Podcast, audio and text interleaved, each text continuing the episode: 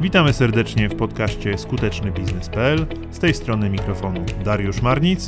Tutaj Piotr Komendant i zapraszamy Was do wysłuchania dzisiejszego odcinka. Cześć Darek. Cześć Piotrze. Powiedz mi, w co ostatnio grywasz na komputerze? Mm, Przykro mi, ale w nic nie grywam. To trochę zepsułeś mi rozpoczęcie podcastu, bo myślałem, że tak jak kiedyś pamiętam, że grałeś w cywilizację, że powiesz, że grasz w cywilizację, a ja wtedy powiem, że to jest gra strategiczna i że strategia jest szalenie ważna, bo dzisiaj plan jest taki, żeby porozmawiać sobie o roli strategii w firmie i to również w firmie małej i średniej. No myślę, że na ten temat mam teraz e, zdecydowanie więcej do powiedzenia niż na temat e, gier strategicznych na komputerze. O czym dzisiaj pomówimy? Pomówimy o tym, czemu ta strategia jest potrzebna, naszym zdaniem, bo obaj się co do tego zgadzamy, w jaki sposób ją stworzyć, jakie elementy się na nią składają i jak to sensownie wdrożyć. A może zaczniemy od samego początku. Co to właściwie jest ta strategia? Prostymi słowami, to będzie taki dalekosiężny plan, w jaki sposób zyskownie obsługiwać określony obszar rynku za pomocą określonych narzędzi, których nie mamy nadmiaru, tylko jest ich ograniczona ilość. No, piękna definicja. Mi staje przed e, oczami prezeska, wiceprezeska amerykańskiego giganta Meditronic, pani Eli Pido.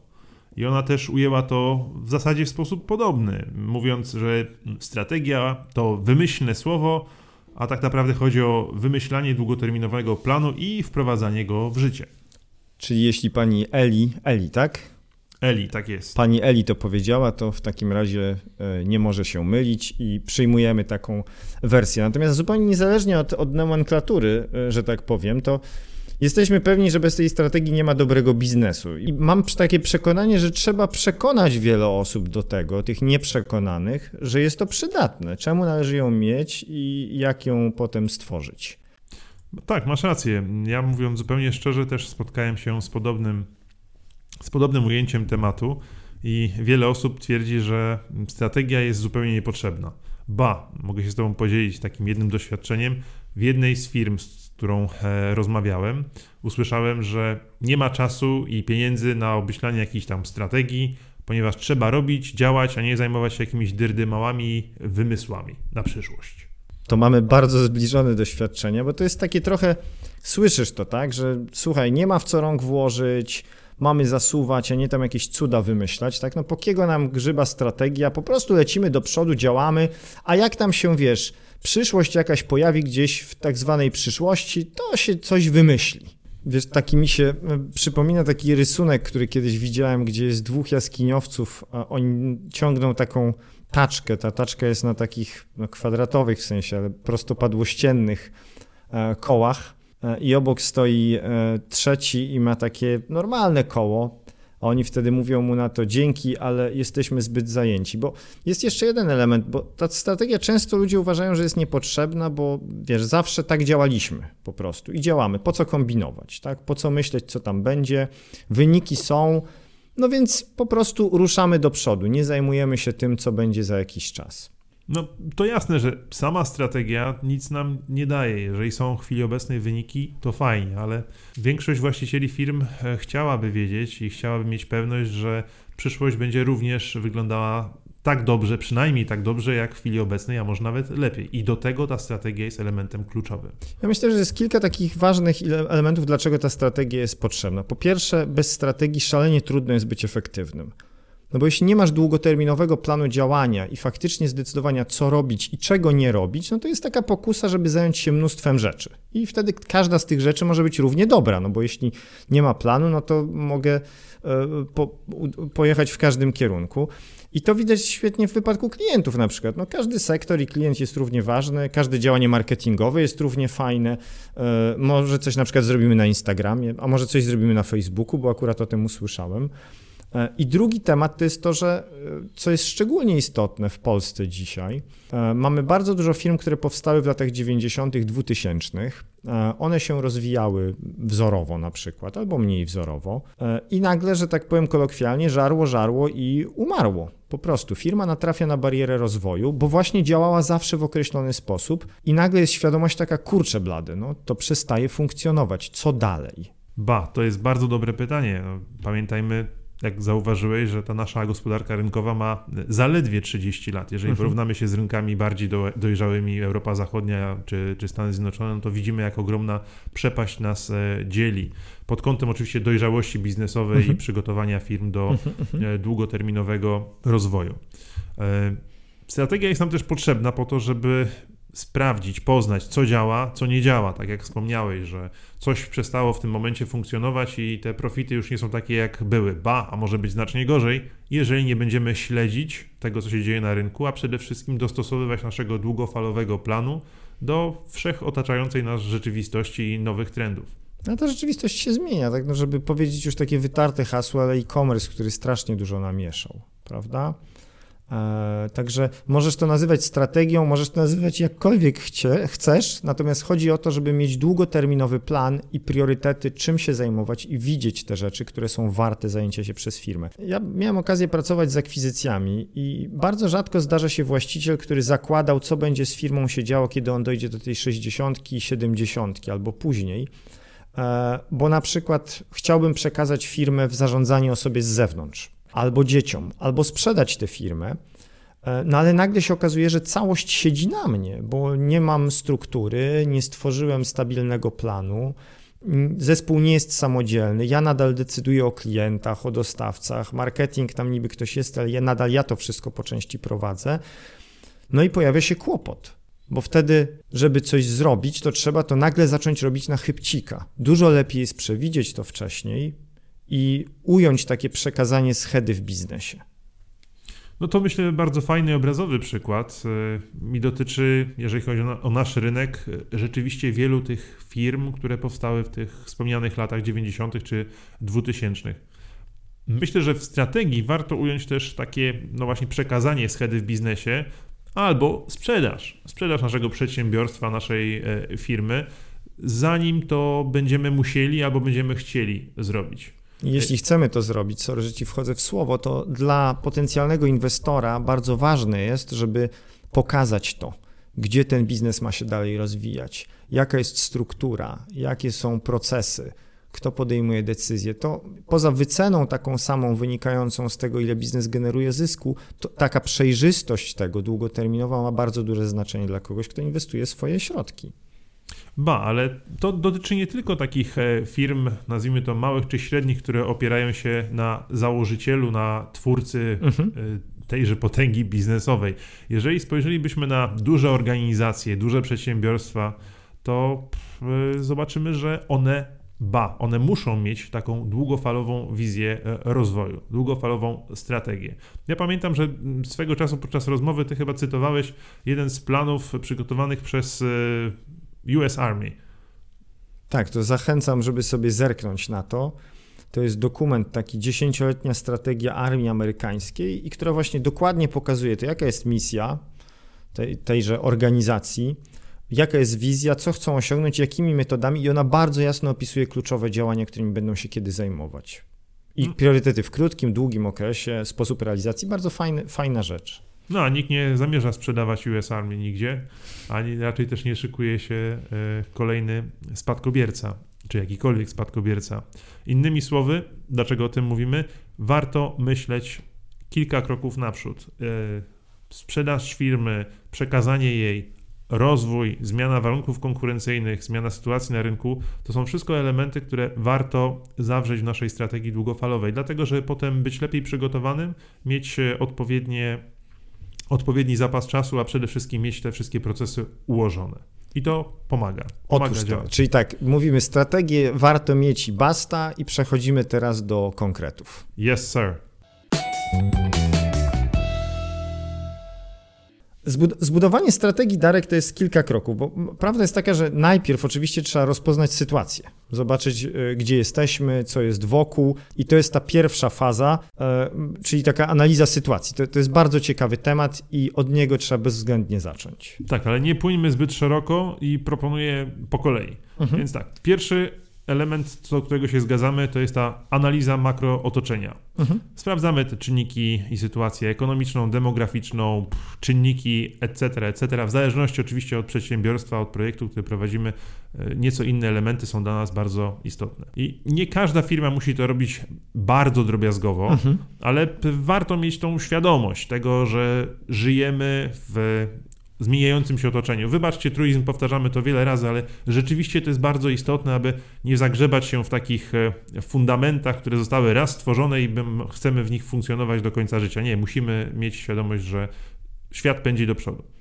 Zmienia się zamożność, zmieniają się sposoby spędzania czasu, Jasne. E, zmieniają się proporcje naszego społeczeństwa, tak. wzrasta ilość na przykład w Polsce e, osób e, starszych, mniej się niestety rodzi następnych przedstawicieli nowych generacji, mhm. etc., etc., że już o sposobach kupowania i konsumpcji produktów i usług nie wspomnę. Tak, i te, te dane, ja myślę, że to nie każda firma, tak jak powiedziałeś, musi to zrobić tak, tak pieczołowicie, natomiast można się po, pokusić, szczególnie firmy, które działają w biznesie konsumenckim. Warto jest sięgnąć do różnego rodzaju raporty i badania. Są firmy badawcze, które mają gotowe raporty i można tam ciekawe rzeczy dowiedzieć się, jak wyglądają segmenty konsumentów.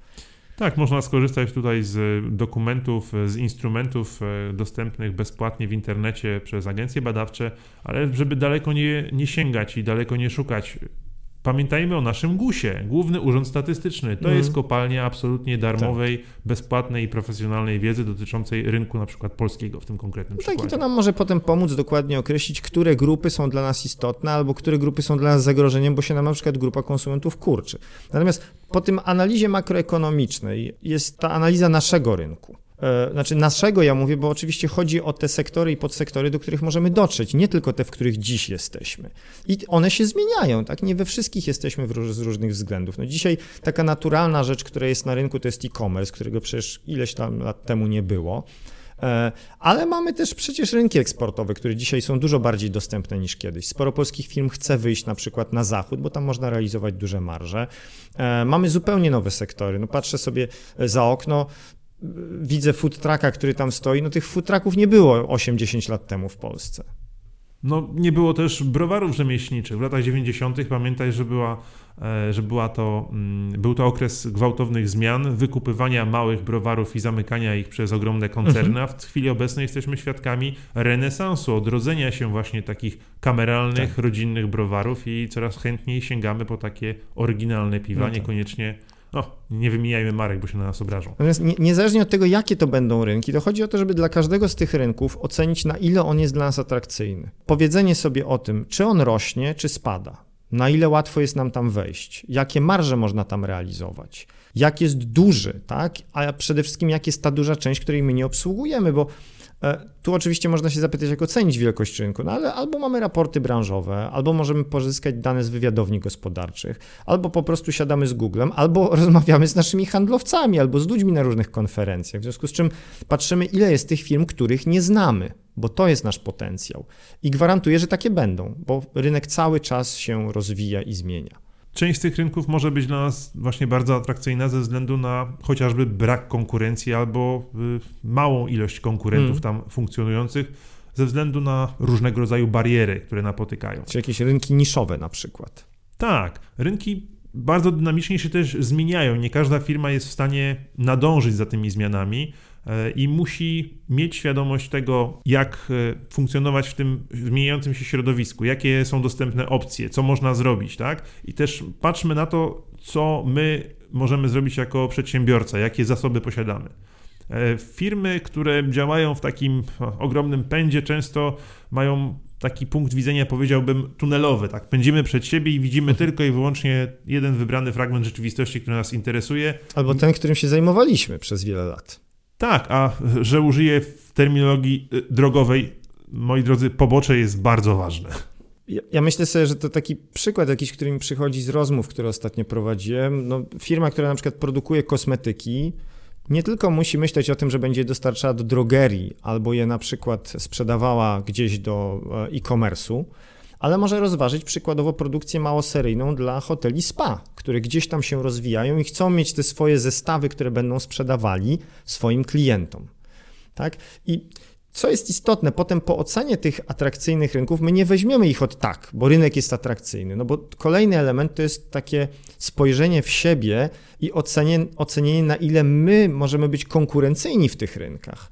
Pod względem kilku rzeczy. No, pierwsza rzecz to jest oczywiście oferta produktowa, druga to jest cena, na ile mamy skuteczną obsługę, na ile mamy sposoby dotarcia skuteczne, bo przykład z głowy, no ale ciekawym rynkiem może być e, na przykład mogą być Chiny, ale jeśli nie znasz rynków dalekowschodnich i nie wiesz jak tam działać, no to twoja konkurencyjność będzie tam bardzo mocno ograniczona. No i tak, pozwól, że tutaj taka krótka dygresja. E, w trend e, rynki azjatyckie mają swoją ogromną specyfikę, a w Chinach, jeżeli chciałbyś funkcjonować, no to rzeczywiście musisz mieć no tam tak. odpowiednie e, zasoby, które znają warunki i wiedzą, jak się poruszać w tym niezwykle orientalnym środowisku. Tak, tak, tak, tak może być. No bo e, myśląc znowu o tych rynkach, to jest kwestia, że możemy pójść z dzisiejszą ofertą do rynku, który jest atrakcyjny, tam gdzie ta oferta daje nam szansę, ale przeprowadzając taką sensowną analizę, możemy stwierdzić, że jest jakiś rynek bardzo atrakcyjny, do którego my się możemy celowo zmienić. Czyli może się okazać, że atrakcyjny jest rynek na przykład piekarni takich e, rzemieślniczych, które produkują pieczywo wysokiej jakości, no ale nie mamy dla niego na przykład produktu wyższej jakości. W związku z czym pytanie jest takie, jak zmienić swoją tam, strzelam, produkcję zboża do tego, żeby potem do nich móc sprzedawać. Albo jest rynek profesjonalnego wykonawcy, ale my na przykład nie mamy z nim kontaktu bezpośredniego. Mamy produkt fajny, mamy fajną cenę, natomiast w ogóle go nie obsługujemy. W związku z czym w tej strategii możemy uwzględnić to, że na przykład zatrudnimy personel, który będzie budował relacje z tym rynkiem. Tak, to bardzo istotny element. Myślenie nie tylko o konkretnym wycinku rynku, ale też o zasobach i narzędziach, które potrzebujemy do tego, aby realizować ten długofalowy plan. Marketing. Marketing, marketing jest e, ewidentnie koniecznym elementem tutaj, niezależnie od tego, o jakich rynkach rozmawiamy. Ważne są natomiast narzędzia te marketingowe, które będziemy mhm. wykorzystywali do tego, aby e, funkcjonować w ramach e, strategii i realizować te plany. Pamiętajmy też o tym, że nie ma czegoś takiego jak uniwersalne narzędzie. W zależności od sektora, w którym funkcjonujemy, musimy je dopasowywać. E, nieco inaczej funkcjonuje rynek B2C, nieco inaczej e, działamy na rynku B2B, ale Jasne. o czym mówimy też w jednym z naszych podcastów, zawsze rozmawiamy pod koniec dnia z człowiekiem, tak? I rozmawiamy językiem korzyści. I rozmawiamy językiem korzyści.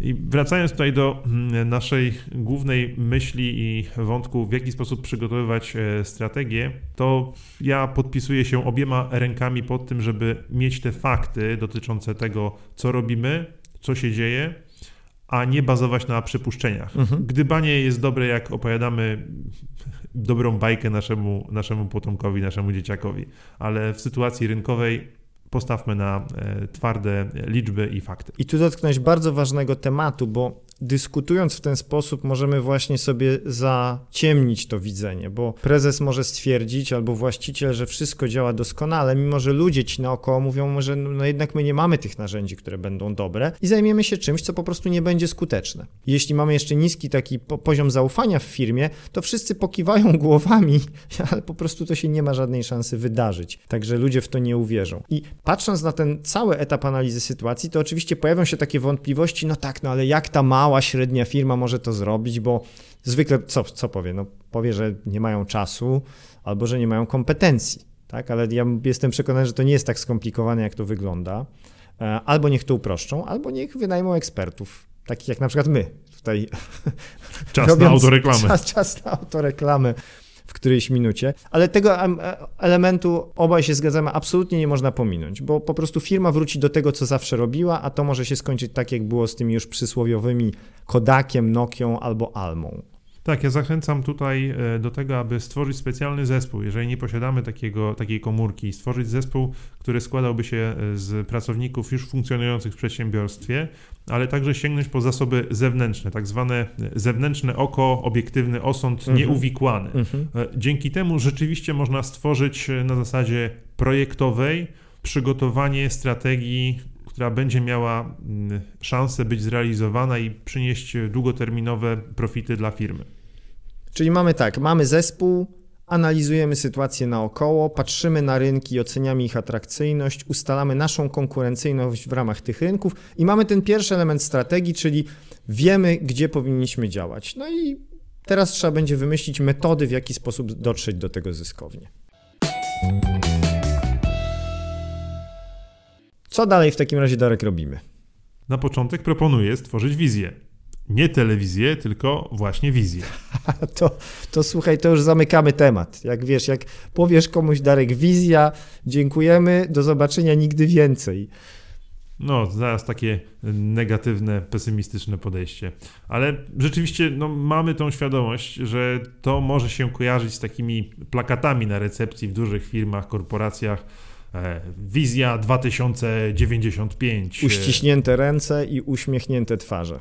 Zawsze uśmiechnięte twarze i zawsze e, zdjęcie grupowe We can do it. Ale tak przechodząc już bardziej do konkretów i zostawiając ten humorystyczny aspekt e, na boku, mm, ja bym to powiedział trochę odwołując się, proszę się nie śmiać, panie Piotrze, do Seneki, wiem, pojechałem teraz, ale gdy nie wiesz, do jakiego portu płyniesz, to żaden wiatr nie jest dobry. No, stara myśl, bardzo stara, starożytna, powiedziałbym nawet antyczna, ale jakże prawdziwa. Dzięki jasno sprecyzowanej wizji e, możemy odnaleźć się w tej otaczającej nas rzeczywistości oraz mieć pewność, że firma rzeczywiście ma pomysł na siebie to jest bardzo ważne dla całego zespołu, żeby wiedzieć, gdzie ten port się znajduje, gdzie płyniemy. No to trochę z tą wizją to jest troszkę tak jak w ogóle ze słowem strategia, bo wizja to jak człowiek słyszy, ja uciekam od razu, tak? Słyszę wizja o Matko Święta, będzie się działo, ale wizja to jest w skrócie to tak naprawdę, gdzie chcemy być za tych kilka, kilkanaście lat. Czyli coś, co można pokazać zespołowi i powiedzieć, słuchajcie, trzymając się już tego Seneki, to jest ten port, do którego będziemy zmierzać. No dokładnie tak. Ja nie szukając specjalnie w pamięci E, przykładów e, z naszego rynku, czy też może z rynku e, globalnego, to możemy sięgnąć do początków Amazona, mhm. tak? Facet zaczynający na biurku zrobionym z jakichś tam drzwi w jakiejś kanciapie, miał wizję, miał pomysł i nie bał się jej realizować. I proszę bardzo, gdzie w chwili obecnej jest Amazon. Albo z innego ogródka, firma Huawei, z którą swego czasu miałem przyjemność e, długi czas e, pracować. Na samym początku przygody, w 2010 roku, jak szliśmy do, do operatorów i rozmawialiśmy o tym, gdzie chcemy być na rynku za kilka lat, za 4 lata, 5 lat, etc., i mówiliśmy, że naszym celem jest top 3, no to można powiedzieć, że nas przyjaciele mhm. troszeczkę śmiechem za, zabijali. No, a, a tu patrz. Proszę bardzo. A tu patrz, a jednak.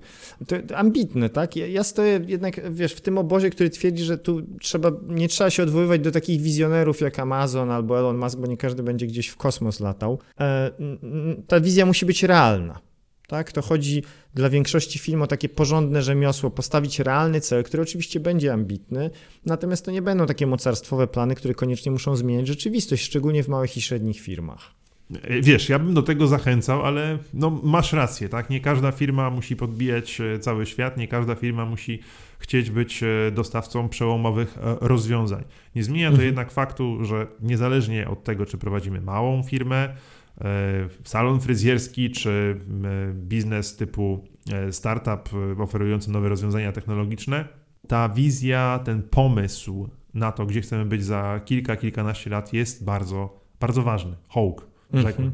Tak, musi być, musi być angażująca i dawać tą, tę motywację do starania się, ale realna wizja to znaczy, że ona musi być wytłumaczona, bo to nie chodzi o to, że ktoś staje i mówimy potroimy sprzedaż za 5 lat, tak? bo to jeśli nie wytłumaczymy dlaczego, no to to się po prostu nie uda. Tak, trafiłeś w samo sedno. Sama wizja nie wystarczy. Trzeba pokazać, jakimi narzędziami będziemy dysponować, aby osiągnąć te swoje długoterminowe cele. Jeżeli będziemy mówić tylko i wyłącznie o tym science fiction, o fantastycznej bajce, ale nie damy ludziom do rąk e, narzędzi do ich realizacji, nie stworzymy odpowiednich warunków, no to spotkamy się za rok na tym znowu Christmas party czy podsumowującym spotkaniu i okaże się, że nie dokonaliśmy żadnego postępu. Ba, no. można się cofamy. No tak, no czyli po tym jak zrobiliśmy w tym poprzednim kroku to wejrzenie w siebie i w rynek, no to to oczywiście z tego powinno wynikać, czyli jakie działania marketingowe, sprzedażowe, operacyjne, jaka struktura organizacyjna, infrastruktura IT, y, sposób produkcji, jak to wszystko powinno działać po to, żeby zrealizować owe tam potrojenie sprzedaży za 5 lat. No, wspominałeś o rynku hoteli spa, więc trzymajmy się tego mm, mhm. przykładu. Jeżeli określimy jako jeden z filarów zwiększenie sprzedaży do hoteli o no, x złotych co roku z marżą o, kilkudziesięcioprocentową, mhm. do określenia oczywiście, mhm. I chcemy to zrobić poprzez wdrożenie mm, ośmiu nowych projektów w tym sektorze. Powiem Ci szczerze, że dla mnie to cały czas troszeczkę mało E, dlatego że musimy do tego dodać też element uzasadniający. No fajnie, mhm. że będziemy mieli 8 tak. nowych projektów, ale jeszcze fajniej, jak będziemy wiedzieć na przykład i będziemy mogli tą informację zawrzeć w przekazie, że na północy kraju w 2020 roku będzie 45 hoteli spa i z tego chcemy mieć 20%. Jasne. I tak to motywujemy, bo nasza skuteczność pozyskiwania klientów w zbliżonym sektorze wynosi, no przykładowo, 23% etc., etc. Ale jak widzisz, no tak. budujemy tutaj bardzo spójny obraz, krok po kroku, dlaczego chcemy gdzieś czyli być. Co i dlaczego? No bo tak, ludzie wtedy mówią, ok, aha, czyli mamy tych 45 hoteli, mamy ich adresy, będziemy wiedzieli, gdzie one są realizowane. 20% tego brzmi realnie i to wszystko zaczyna znacznie ciekawiej się zagnieżać gdzieś tam w głowie ludzi, niż mówimy, zwiększamy sprzedaż do hoteli o 2 miliony złotych. Tak, ważne jest też to, aby mm, skoncentrować się na tych głównych elementach. Nie przewidzimy wszystkiego i nie damy też e, absolutnie pełnego pakietu od A do Z e, narzędzi, tak? Ale musimy skoncentrować się na tych najbardziej kluczowych, najbardziej tak. fundamentalnych elementach. To ja pójdę jeszcze dalej oczywiście w tej strategii, bo potem mamy kwestię tego nie tylko co i przez co, ale jak tego dokonamy. Czyli mówimy plan działań. Zbudujemy sobie bazę potencjalnych klientów, wytypujemy te najbardziej atrakcyjne pod względem kryteriów, które są dopasowane do naszej oferty oferty, do naszych możliwości. Potem dotrzemy do decydentów w pierwszym kwartale umownym, nawiążemy relacje, e, przygotujemy ciekawe materiały, które będą mówiły o naszym produkcie pod kątem tego hotelu spa i tak dalej, i tak dalej. Tak przygotujemy wzory produktów, a potem dopiero będziemy w stanie działać. Do tego dodałbym jeszcze małą wisienkę, przygotujmy do tego e, system bonusowy oparty na długoterminowej strategii i wdrażania tych poszczególnych elementów krok po kroku. Ludzie będą mieli dodatkową motywację do tego, aby pracować. Jasne, czyli mamy znowu po tej analizie w pierwszym kroku otoczenia nas i wybrania obszarów Potem mamy te strategie. Ja proponuję ich nie, mieć nie więcej niż pięć, które nas do tej wizji doprowadzą, ale niech one będą, tak jak powiedzieć, po pierwsze mierzalne, po drugie niech będą wytłumaczalne, dlaczego to zrobimy, żeby ludzie w to uwierzyli i czuli się zaangażowani. I po trzecie, żeby określić konkretne działania, które pomogą nam to zrobić. I jeszcze taki, taki komentarz, który mi przychodzi na myśl, że ta wizja nie zawsze musi oznaczać, że chcemy być liderem. Bo, bo nie musimy, tak? Nie musimy być nawet jednym z liderów. To jest często gdzieś tam no, nadmiernie używane, tak? Chcemy być jednym z liderów w rynku takim i takim. Nie każdy musi być liderem. No ale to brzmi bardzo dobrze i pięknie wygląda na tych wspomnianych plakatach na recepcji, niezależnie od tego, czy jest to duża korpo, czy e, kameralna firma. Tak, no, ale mam nadzieję, że przyznasz, że biznes to nie jest wyścig, gdzie tylko jedna firma wygrywa. Y tak, oczywiście, zgadzam się z tym. Nie przekonałem cię. I jeszcze jedna rzecz. W tej strategii, w tym planie, warto jest nie tylko powiedzieć, co, co będziemy robić, ale też to, czego nie będziemy robić. No, tu akurat się serdecznie z Tobą nie zgodzę, drogi przyjacielu, mhm. dlatego że moim zdaniem strategia powinna być przede wszystkim zwięzła. Jeżeli zaczniemy tutaj listować, e, jakie elementy nie powinny być brane pod uwagę, okay. no to zaczynamy gdzieś e, zamiast strategii budować e, wielopłaszczyznowy plan, bawić się w wybór narzędzi, etc. To jest inny etap, inny proces. Okej, okay, to, to może inaczej w takim razie. Firma, która działa od bardzo wielu lat w pewien określony sposób i strategia będzie zmierzała do tego, żeby ten sposób działania zmienić albo zoptymalizować, jest pokusa taka, że wrócą do tych swoich starych dróg. To może inaczej w sensie, kiedy pojawi się pokusa zrobienia czegoś, to powinniśmy spojrzeć na to i mówimy, czy to jest zgodne z naszą wizją i z tymi pięcioma strategiami, które sobie ustaliliśmy. Tak, i tutaj pełna zgoda. Pomimo tego, iż pewne narzędzia pewnie. tak, i tutaj pełna zgoda. Pomimo tego, iż pewne narzędzia e, mogą być bardzo pociągające, dlatego że już korzystamy z nich od wielu, wielu lat ale w momencie zastanowienia czy weryfikacji musimy wrócić do dokumentu pierwszego, jak wygląda obecnie nasza strategia i czy to, co chce zrobić nasz zespół sprzedażowy na przykład, wpisuje się. Jeżeli nie, sorry, winetu odkładamy na bok. To nie jest nasza ścieżka. To dotyczy nie tylko narzędzi, ale też klientów i rynków. I za chwilkę zresztą o tym powiemy. I tu dochodzimy do tego elementu, który jest bardzo taki no, zabawny w pewien sposób, bo my mamy wizję, mamy strategię, mamy plan działania i to powinno wszystko działać, ale to się kurczę rozjeżdża w realizacji, i to w wielu firmach i to w bardzo dramatyczny sposób. No, samo życie, panie szanowny. E, zacznijmy od tego, żeby wiedzieć, dlaczego się rozjeżdża i co się tak naprawdę wydarzyło w naszym przedsięwzięciu, to musimy na bieżąco monitorować. Mhm. Musimy monitorować zarówno warunki konkurencyjne, musimy monitorować bieżące trendy. Innymi słowy, te wszystkie czynniki, które mają wpływ na nasz biznes. Tak, i to nie chodzi tylko o śledzenie wyników, ale też o działania, bo możemy patrzeć sobie na wyniki i mówić, no okej, okay, sprzedaż jest ok, marża jest ok, tylko właśnie nawiązując znowu do tych hoteli spa, może się okazać, że my wcale w tych hotelach spa nie rośniemy w ogóle, tylko nadal gdzieś tam wyżołowujemy ten rynek, który za chwilę nam się skończy. Ja, ja myślę, że tu jest taki temat, że po pierwsze ten, tę strategię w dużej mierze realizuje dział sprzedaży, bo to oni zdobywają nowych klientów, przekonują ich do nowego produktu e, i ten dział, szczególnie w B2B, on ma dużą swobodę tego, co robi i kiedy robi, bo to nie jest e, telelinia, tylko jest to handlowiec, który sam sobie ustala cele, priorytety działania i tak dalej, może cele nie, ale sam ustala sobie priorytety działania. I ci handlowcy działają w dobrej wierze. I z punktu widzenia swojego rynku, tego takiego małego, wierzą, że każdy sektor i klient jest równie dobry, nawet jeśli się nie mieści w strategii. I to jest jeden z tematów. Tak, i tu jest to pole dla e, sfery zarządczej, żeby definiować tą strategię i oceniać na bieżąco, mhm. czy działania podejmowane przez zespół sprzedażowy, czy zespół marketingowy, generalnie rzecz biorąc przez pracowników firmy, czy ich działania, abstrahując już od efektywności, wpisują się w strategię i czy w długiej e, perspektywie czasu przyniosą nam określone e, rezultaty. I to ja cały czas mówię do tego działu sprzedaży, bo to jest mi najbliższe. Natomiast to jest tak, że wiesz, ja mam na przykład chcę pojechać do tych hoteli spa albo na przykład do rynku warsztatów samochodowych.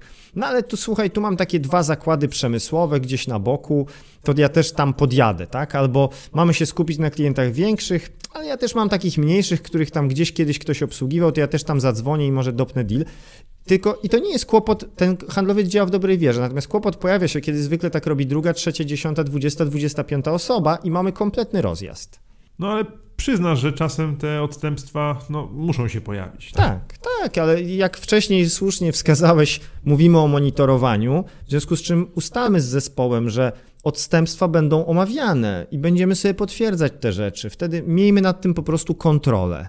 No tak, tutaj e, kontrola najwyższym e, stopniem zaufania, jak mawiają klasycy, a w korporacjach, e, w firmach dużych, przedsiębiorstwach to działa dosyć sprawnie.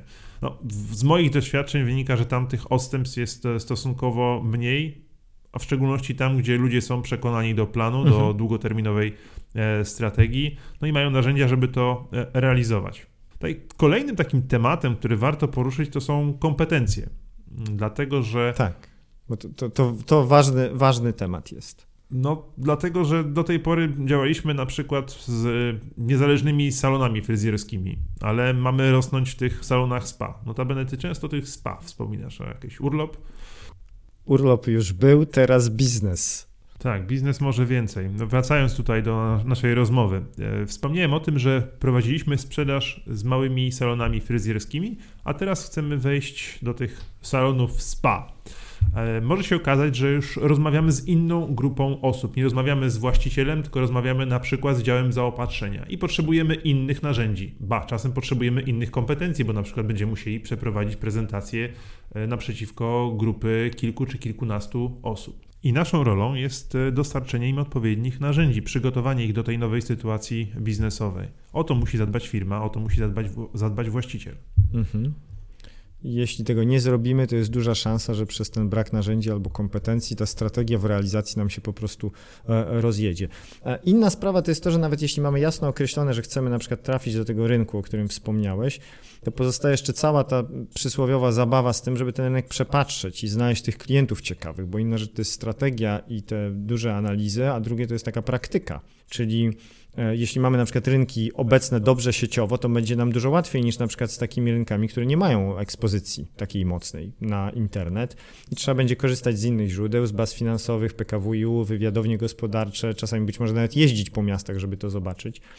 E, ale jeśli w bazie potencjalnych klientów będziemy mieli tak zwane siano, tak zwane zrobi się gigo, czyli garbage in, garbage out, no to nic z tego nie wyjdzie. Bo taka moja rada serdeczna jest taka, żeby dział sprzedaży w bazie tak zwanych leadów, czyli potencjalnych klientów, miał tylko i wyłącznie takich, którzy są spójni ze strategią. Bo jeśli będziemy tam mieli mnóstwo innych jakichś za, zaszłości, to zawsze jest pokusa do tego, żeby spojrzeć na to i powiedzieć, o kurczę, może jednak do tego jeszcze zadzwonię. Zachęcasz do rewolucji i absolutnie to rozumiem. E, rzeczywiście, jeżeli baza naszych klientów nie spełnia założeń strategicznych, to warto ją przewietrzyć, zweryfikować, mhm.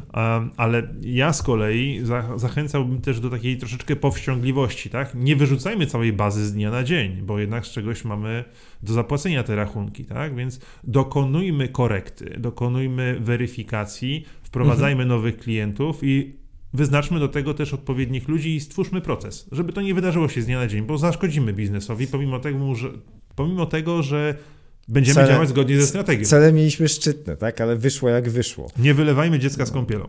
No ja, ja w zupełności się z tobą zgadzam.